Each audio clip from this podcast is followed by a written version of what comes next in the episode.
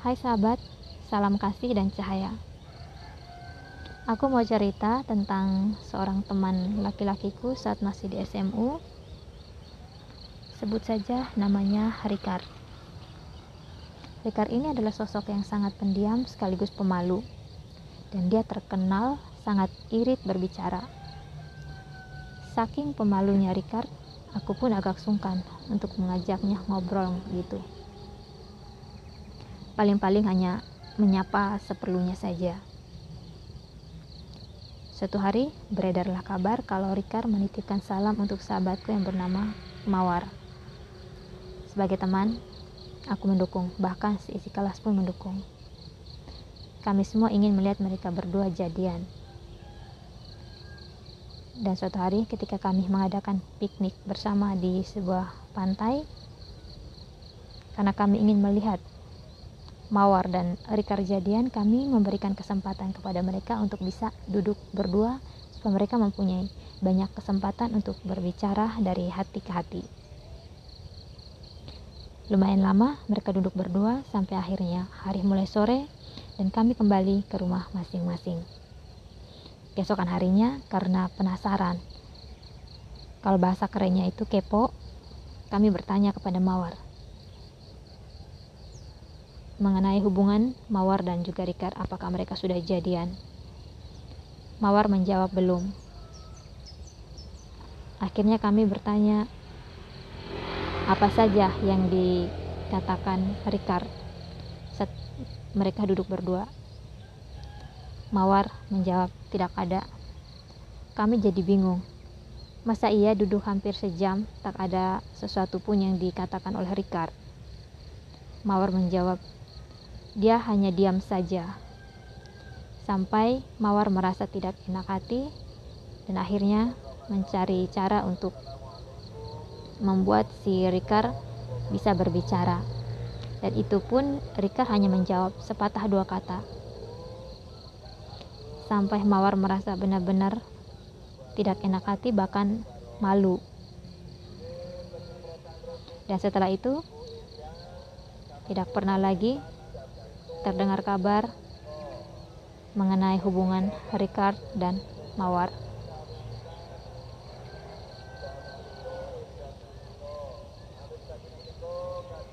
Di beberapa kesempatan berikutnya, saat jam pelajaran olahraga, karena aku merasa badanku kurang fit, aku memutuskan untuk tinggal di kelas.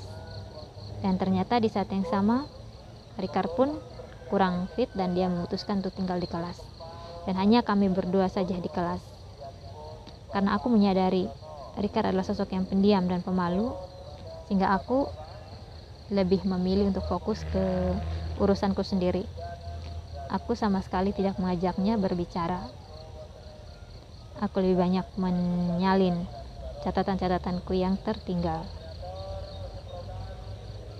Sampai akhirnya tiba-tiba sebuah kertas kecil jatuh di atas mejaku. Begitu kertas ini jatuh, aku langsung menoleh ke belakang. Karena arah lemparan kertas ini dari belakang dan Ricard duduk di belakangku.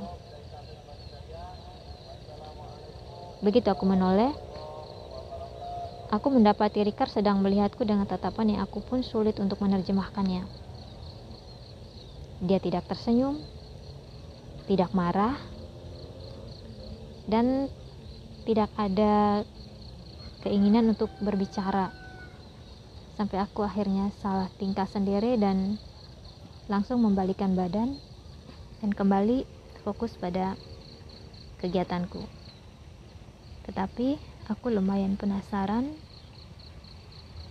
mengenai isi dari kertas yang jatuh di mejaku. Akhirnya begitu pulang sekolah aku cepat-cepat membuka si kertas itu.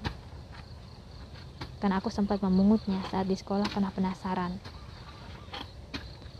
Aku sempat kaget karena membaca isinya. Di situ tertulis aku suka kamu.